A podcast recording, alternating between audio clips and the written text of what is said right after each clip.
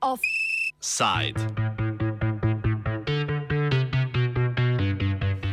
In lepo pozdravljeni v dogodku dneva v Offsideu, ki pa se tokrat uh, seveda osredotoča ne samo na posamičen dogodek, ampak na kar nekaj sto njih. Uh, gre seveda za lokalne volitve, s katerimi vam še ne bomo dali miru, ker so vendarle pomembna zadeva. Uh, mislim, da predčasno glasovanje za prvi krok se v kratkem zaključuje, tako da morate še pohiteti, če želite ujeti. Uh, O volilni matematiki, kako izračunati zmagovalca in ostalih pravnih vidikih, pa bomo razpravljali uh, tule v tem le studiu. Z mano sta sodelavca aktualno-politične redakcije Blaž in Žiga, živijo obema. Živijo. Zdaj, nahajamo se v kar intenzivnem delu uh, supervolilnega leta. Na izvolili smo državni zbor, izvolili smo predsednika oziroma predsednico države. Uh, do konca tega meseca pa se bo zgodilo še dvoje volitev, torej prvi krok lokalnih bo že to nedeljo. Odvile se bodo pa tudi manj znane volitve v državni svet, v katerih sodelujejo elektori interesnih skupin in bodo glasovali uh, naslednji torek in sredo. Ja, v bistvu smo uh, sredi super, super uh, volilnega novembra uh, in za voljivce je bila pravzaprav uh, glasovanja prosta samo prva nedelja v mesecu. Po drugem krogu predsedniških volitev nas zdaj čakajo še lokalne volitve, na to pa naslednjo nedeljo referendumski trojček in pa prvo decembrsko nedeljo, na to še drugi krog v občinah, kjer bo ta uh, potreben. Uh, Kakorkoli uh, omenjene volitve v državni svet uh, bomo podrobneje predstavili prihodno sredo v odprtem političnem terminu, današnji offside pa posvečamo lokalnim volitvam. Izhodišče za ta offside predstavlja predavanje profesora Andreja Bauerja in pa asistentke Katje Berčič, ki je potekalo na fakulteti za matematiko in fiziko. Na poljuden način sta predstavila volilne sisteme in postopke za ugotavljanje izidov. Za istočnico pa naj nam služi naslednja izjava profesora Bauerja.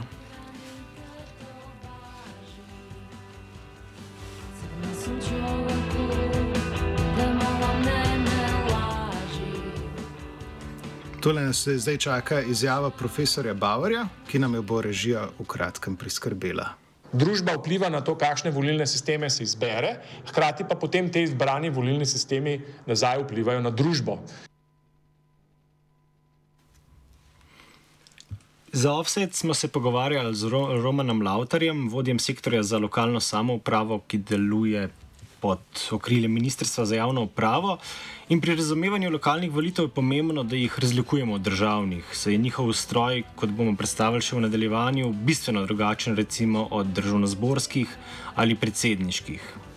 Prvič ne samo to, da volimo župana, pa občinski svet, pa svete krajevnih skupnosti, volimo tudi v 20 občinah predstavnike Romov v občinskem svetu in v devetih občinah italijanske ali mađarske predstavnike.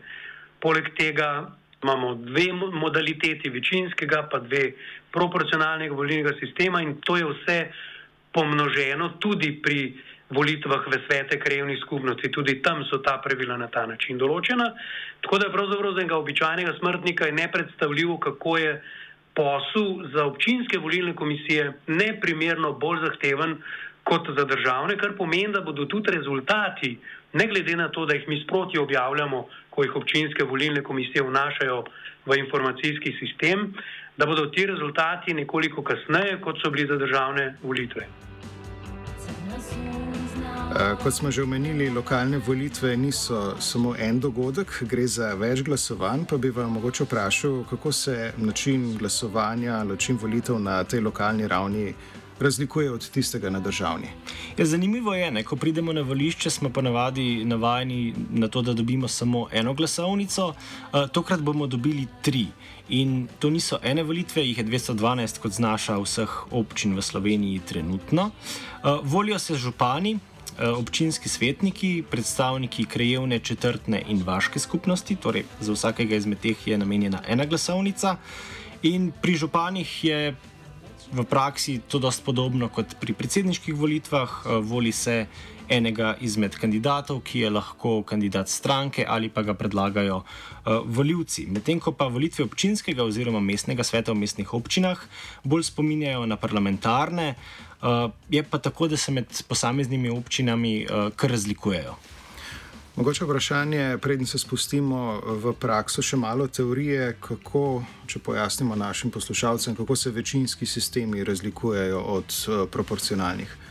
Ja, zdaj, pri večinskih sistemih je tako, da je izvoljen tisti, ki dobi več glasov, v primeru, da uh, se na volitvah potekujeta dva kandidata. V primeru izenačenja, kar je dost. Um, redek dogodek, oziroma malo verjeten. Je pa res, da na lokalnih volitvah uh, bolj kot na predsedniških, ker gre za manjše število vseh volilnih upravičencev. Uh, takrat uh, se o županu odloča žrebom. V primeru, da se na volitvah za župana potegujejo trije kandidati, uh, imamo več možnosti. Torej, relativni zmagovalec uh, je tisti, ki dobi največ glasov izmed vseh treh. Uh, v primeru dvokrožnega večinskega sistema Uh, pa se potem v drugi krok uvrstita tiste dva kandidata, ki sta dobila uh, največ glasov. Obstaja pa tudi večinski sistem uh, za volitve z meč, več mandati, naprimer, ko se za mandate potegujejo trije kandidati, uh, mandati dobijo uh, tisti trije, ki dobijo največ glasov. Pa je to mogoče, kje pri nas v praksi ta trokrožni sistem z več mandati, ta večinski sistem? Ja, ta sistem se uporablja predvsem v manjših občinah. Mislim, da recimo tak primer je, no, mogoče to ni manjša občina, ampak Brezovica pri Ljubljani, uh mhm. -huh. pa tudi v veliki večini um, krajevnih skupnosti. Zdaj, pri večinskem sistemu pa je vedno vprašanje uh, reprezentati reprezentativnosti um, celotne občine, uh, ker večinski sistemi ponavadi uh, zapostavljajo uh, obrobne kraje oziroma pač uh, neke obrobne skupine, uh, kogarkoli. Zdaj, razdelitev občine uh, se v tem primeru lahko zgodi na enote. Eh, in se potem mandati uh, delijo glede na število prebivalcev v posamezni enoti, kar pomeni, da imamo v praksi uh, znotraj lokalnih volitev v eni občini še potem več volitev, več mini volitev v vsaki volilni enoti. Mogoče nadaljujemo s proporcionalnimi sistemi. Te se precej razlikujejo od večinskih. Um, prva bistvena razlika je, da tukaj ne kandidirajo posamezniki, ampak liste, torej liste oziroma stranke in potem se mandati delijo glede na, se pravi, kot že ime pove, proporcionalno glede na število glasov. Pri tem se upoštevajo določene matematične zakonitosti. Prva taka pomembna stvar je Harjeva kvota. To pomeni, da se mandati razdelijo glede na znotraj volilne enote, glede na to, da se število glasov deli s število mandatov in dobiš mandatno kvoto, s katero lahko razdeliš večino mandatov. Nekaj mandatov seveda ostane nerazporejenih, to je, se potem reši na podoben način kot na parlamentarnih volitvah, to je Dontov sistem, ki je nekoliko bolj kompliciran. Uh, je pa tukaj še pri, pri proporcionalnem volilnem sistemu še neka pomembna razlika, se pravi, na vsaki listi so rangirani kandidati, volilec pa lahko znotraj liste da tudi uh, preferenčni glas. Tudi ta ima seveda neke zakonske omejitve. Um, vrstni red kandidatu na listi najprej določi stranka, potem pa se lahko upoštevajo ali pa ne. Prvi pogoj, da se preferenčni glasovi znotraj liste upoštevajo, je, da, da se da voljivci, odajo, voljivci te stranke oddajo vsaj 25 odstotkov preferenčnih glasov, v nasprotnem primeru so ti nerelevantni, in pa vsak kandidat, ki želi prehiteti nekoga, potrebuje vsaj 10 odstotkov glasov te liste. Čeprav razumem, so tukaj pravila včasih malo eh, kontradiktorne, oziroma vodijo do zanimivega paradoksa, kjer v bistvu s preferenčnim glasom enemu kandidatu temu otežimo njegovo izvoljivost. Kako do tega pride? Ja, glede na to, da je bilo to predavanje, eh, ki smo ga vodoma omenili, izvedeno na fakulteti za matematiko in fiziko, eh, so zbrani v publiki opozorili prav na ta paradoks, ki mogoče z nekega tega uh, družboslovnega vidika ni tako očiten, z matematičnega pač. In sicer, uh, da se zgodi scenarij, ko zaradi enega glasu, uh, recimo kandidatu, ki je uvrščen više na kandidatni listi, uh, se pride čez prak. Uh, Potreben za to, da se upošteva uh, preferenčne glasove, torej ta 25-odstotni prak, in pa da prvi kandidat na tej listi uh, zbere manj preferenčnih glasov kot uh, nekdo drug za njim, čeprav je bil uh, preferenčni glas pravzaprav namenjen temu prvemu kandidatu uh, in lahko. Glas za nekega kandidata, tudi v primeru, da ta kandidat sam glasuje sam zase, s preferenčnim glasom, če ta glas predre oziroma podre to uh, mejo za upoštevanje preferenčni, preferenčnih glasov, uh, lahko tudi potem sam ni izvoljen, ker jih še vedno ni zbral dovolj. Uh -huh. uh, mogoče, če gremo zdaj iz teorije v prakso, kakšne sisteme pri nas v praksi poznamo, kaj, kateri prevladujejo zdaj od teh, ki smo jih našteli? Ja, župane se volijo enotno, to je dvokrožni večinski sistem v vseh 212 občinah. Za občinske svete pa se večinoma uporablja proporcionalni sistem brez volilnih enot. Tak sistem poznamo tudi v mestni občini Ljubljana. 77 občin se poslužuje takega načina, sledi uh, proporcionalni, večin, pro, proporcionalni sistem z enotami, 70 občin, uh, večinski sistem z enotami uporablja 48 občin, večinski sistem brez enot pa zgolj 17 občin. Poleg um, občinskih svetnikov, ki sledijo temu sistemu, poznamo tudi neke, nekatere izjeme. To so predstavniki posameznih narodnih skupnosti. To sta recimo italijanska in mačarska narodna skupnost, kot sta že v, zastopani tudi v državnem zboru. Potem imamo romsko uh, manjšinsko skupnost in pa zanimivo tudi slovensko narodno skupnost. Um, predstavnika slovenske narodne skupnosti se voli v občini Dobrovnik, ker je tam uh, slovenska narodna skupnost v bistvu tako močno v primerjavi z ostalimi občinami podreprezentirana, da potrebuje svojega posebnega predstavnika v občinskem svetu. Zdaj, prej smo omenili, da eh, kdaj pride do tega, da ni dovolj kandidatov um, na neki listi, kot pač je mandatov, ki se podeljujejo. In to se je zgodilo ravno v primeru uh, volitev romskih svetnikov v Semiču in Lendavi, kjer so bile volitve uh, zamaknjene na 15. januar, saj se uh, do tega prvega kroga rednega lokalnih volitev uh, pač na, na, do, do kandidature se ni priglasilo dovolj uh, kandidatov. Eh, komplikacije so seveda eh, še tudi druge po volilnih eh, okrajih in občinah. Pri takem številu se seveda kaj hitro zgodi, da se kaj zakomplicira. Profesor Bauer je na tej točki mogoče poklican, da izpostavi pomembnost, kako jasno definirati postopanje v primeru tovrstnih nejasnosti. Kar je bistveno, je, če se ta dogodek pripeti, kaj se bo zgodilo z našo demokracijo. Mi moramo biti pripravljeni na tak dogodek, da ne bomo potem tam gledali ljudi zunaj na cesti, pa ustavno sodišče, pa ne vem kaj. Za volitve si želimo, da, so, da je to postopek, ki je ustaljen, kjer se lahko natančno predvideva, kaj se bo zgodilo. V teoriji imamo torej več hipotetičnih dogodkov, ko ni jasno, kako se bodo mandati porazdelili. Eh, tako da je tukaj na mestu vprašanje, kaj se zgodi, ko ima lista manj kandidatov, kot ti po volitvah teh mandatov pripada. Ja, vprašanje je res teoretično, ker se to še ni zgodilo, ampak v tem primeru gredo glasovi v prazno in se mandati podelijo naslednjim na listah. Tako da ni, ne gre za pravno zagato, ki bi bila nerešljiva, zelo preprosta. Torej, slišali smo Romana Lauterja, eh, In če je bilo to vprašanje, ne, eh, predvsem hipotetične narave, je dilema, kaj se zgodi, ko ima lista manj kandidatov, kot ti pripada mandatov, povsem realna, se se lahko pripeti na vsakršnih eh, lokalnih volitvah in tudi eh, v tem primeru je na naše vprašanje odgovarjal avtor. Potem so praktično lahko izvoljeni vsi kandidati. Organ, ki je izvoljen, če uh, ima več kot polovico potrjenih mandatov, lahko normalno deluje za preostanek mandatov pa se razpiše ponovne volitve. Da bi ne bili razdeljeni vsi mandati, ta ugotovitev velja izključno in samo za svete krajevnih skupnosti. Za občinske svete se še ni zgodilo v pol samosvojitvi, da bi kdaj bil izvoljen organ, ki bi imel premalo članov.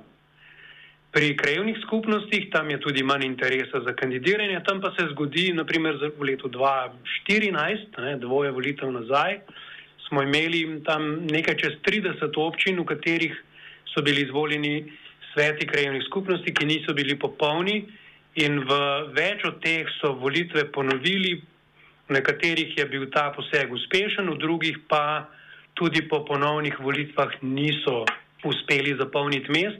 Ampak v tem primeru velja načelo iz zakona, da je treba ponavljati volitve, dokler organ ni popoln, razen če gre za, če je to se zgodi šest mesecev pred naslednjimi rednimi volitvami. Odločitev o tem pa sprejmejo občinske volilne komisije. To ni stvar eh, državnih organov. Pogledali smo že, koliko občin ima kakšen volilni sistem.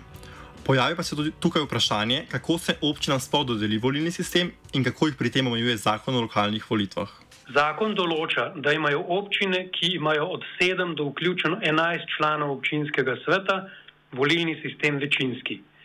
Vse druge občine, od 12 članov sveta pa do 45, kolikor je največ, imajo pa proporcionalni volilni sistem. Tu občina ne more izbirati. Od tu naprej pa obstaja možnost, da občina lahko s svojim predpisom določi tudi pri večinskem volilnem sistemu, bodi si, da bo imela uh, večje število volilnih enot ali pa manjše število in v tem primeru uh, si sama s svojim odlokom določi natančno kolikšno in koliko članov se v posamezni volilni enoti voli. V posamezni volilni enoti se sme voliti največ tri, sicer nimamo več večinskega sistema. Ne? Pri proporcionalnem volilnem sistemu pa imamo spet dve možnosti, da občina določi ali da bo cela ena volilna enota ali pa da bo razdeljena v več volilnih enot. Občina to stori sama, o tem nas ne rabi ne spraševati, razen po pravnih nasvetih, niti za, za dovoljenje pa ne. Torej, m, mm, v primeru, da, bo, da želi občina povečati ali zmanjšati število članov občinskega sveta, mora za to spremeniti statut to zahteva potem dvotretinsko večino vseh članov občinskega sveta. Če bi v tem primeru se odločila, da bo iz 12 članov prešla na 11, bi, bi s tem glasovali, s, tem, s to odločitvijo glasovali tudi o spremembi volilnega sistema. To je odločitev občine. Ne? Ali obratno, če bi imela občina 11 članov, pa bi jih povečali na 12, v tem primeru bi seveda tudi samodejno se spremenil volilni sistem in bi vsa druga pravila, ki jih občina ima glede volitev, morali temu prilagoditi. Uh, pa preigrajmo scenarij ultimativne zadrege, uh, kolega. Kaj se zgodi, če kandidata dobita enako število glasov? Ja, zakon o lokalnih volitvah tukaj pravi, da se opravi žreb. Če smo čisto črkobralski, sicer zakon govori samo o izenačenju med dvema kandidatoma, ne pa za večkratno izenačenje, ampak zakone pač smiselno razumemo in ga v tem duhu interpretiramo ter izvajamo med seboj neodvisne žrebe, kot določa poslovnik državne volilne komisije. V praksi do žrebov pri toliko občinah seveda pride.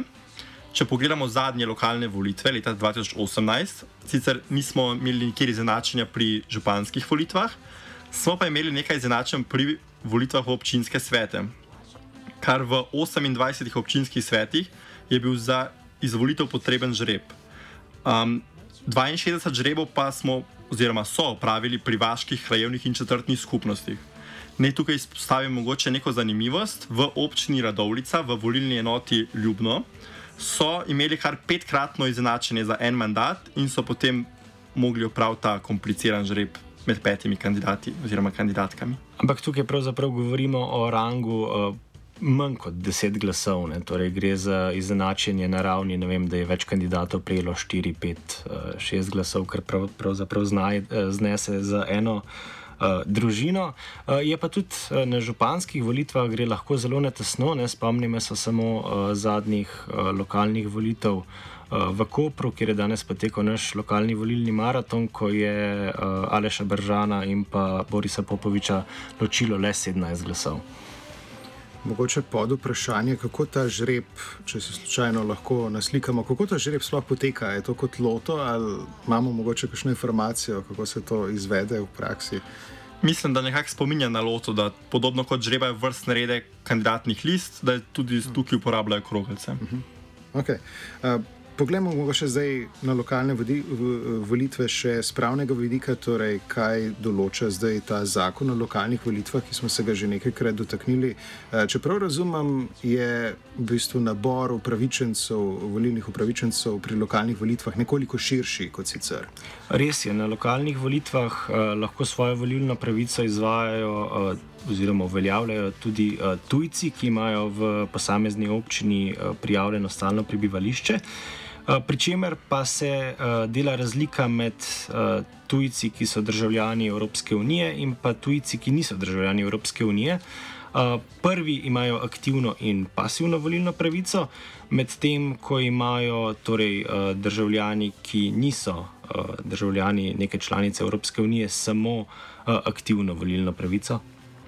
Ja, a, sicer tukaj so želeli, oziroma minister Hojs v prejšnji vladi je želel, da bi tukaj prišlo do nekakšne spremembe in da bi vsem tujcem ukinili tako aktivno kot volilno pravico na lokalni ravni. Um, ampak so potem ugotovili, da je to prvič v neskladju z evropsko zakonodajo, in drugič, da niti koalicija nima glasov za tako spremembo. Um, so imeli tudi mogoče kakšni mačarski ali pa italijanski poslanci tukaj kakšno, kakšno pripombo na to? uh, mislim, da tudi oni niso bili, glede na to, da so v bistvu nekako niso bili zainteresirani za te spremembe, tako kot večji del koalicije. Pravzaprav. Je pa kadarkoli se pravzaprav uh, gre odpirati uh, kakršne koli volilne zakone, to je dosta občutljiva tema, uh, veliko razprave. Spomnimo se samo, recimo, uh, ko je SDS želela spremenjati uh, sistem na državno-zborskih volitvah, torej za, uh, v večinskega, iz zdajšnjega proporcionalnega, je to neka stvar, ki zaposluje uh, tako pravnike, medije in uh, širšo stroko in javnost. In, Eh, redko kdaj so to stvari, ki bi se lahko sprejele čez noč. Eh, vemo pa, da prejšnja vlada pravzaprav ni imela eh, več kot pol mandata. Ne. Uh, mogoče še kaj, glede na to, kako se pač te volilne enote sploh oblikujejo, se pravi, ta, kako bi temu rekli, gerrymandering po ameriško. Imamo še mogoče tukaj kakšno? Uh, mislim, da so to v bistvu že redko občine spreminjajo volilne sisteme in pa razporeditev enot med mandati. To je v bistvu že odkar so občine nastale, so, gre praktično za isto stvar. Pa tudi mislim, da gerrymandering v tem primeru ne pride do, v resnici do izraza, ker se sploh pri proporcionalnih volilnih sistemih, kjer se na koncu tako ali tako mandati približno izravnajo proporcionalno. In tako, tako pri občinskih oziroma mestnih svetih uh, je lažje sklepati neke koalicije, ki so lahko formalne, neformalne, um, s kakšnimi. Uh, Darili ali ne darili, ne, ne govorim zdaj, da gre tukaj za uh, povsem jasno korupcijo, ampak uh, lažje uh, se je dogovoriti, recimo, s uh, listo uh, kakšnih drugih kandidatov, uh, kot pa uh, spreminjati uh, te meje.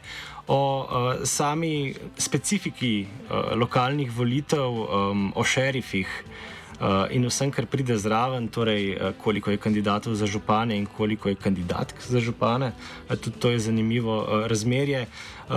Bo govora več jutri v off-komentarju ob 12. uri. Uh mhm. -huh. Eh, mislim, da smo s tem uh, obdelali večino zadev. Uh, prvi krok lokalnih volitev bo torej v nedeljo. Danes lahko, mislim, da še kakšno uro, pa pol prečasno glasujete na svojem volišču, kjer vam je to omogočeno.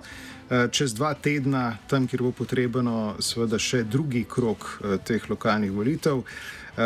O lokalni volilni matematiki pa smo se danes uh, tole pogovarjali z kolegom eh, Blažem in pa s kolegom Žigo iz aktualne politične redakcije. Hvala obema. In seveda, uh, kaj k malu, seveda na volitve, uh, ne bomo, tudi če ne boste glasovali večinsko, lahko glasujete v večini, tako bomo rekli. Uh, tole je bil offside v lokalni volilni matematiki, torej Blaž, Žiga in Rasto. Oh. Oh. Oh. Oh. Oh. Oh. Off. Off. Off. Off. Side.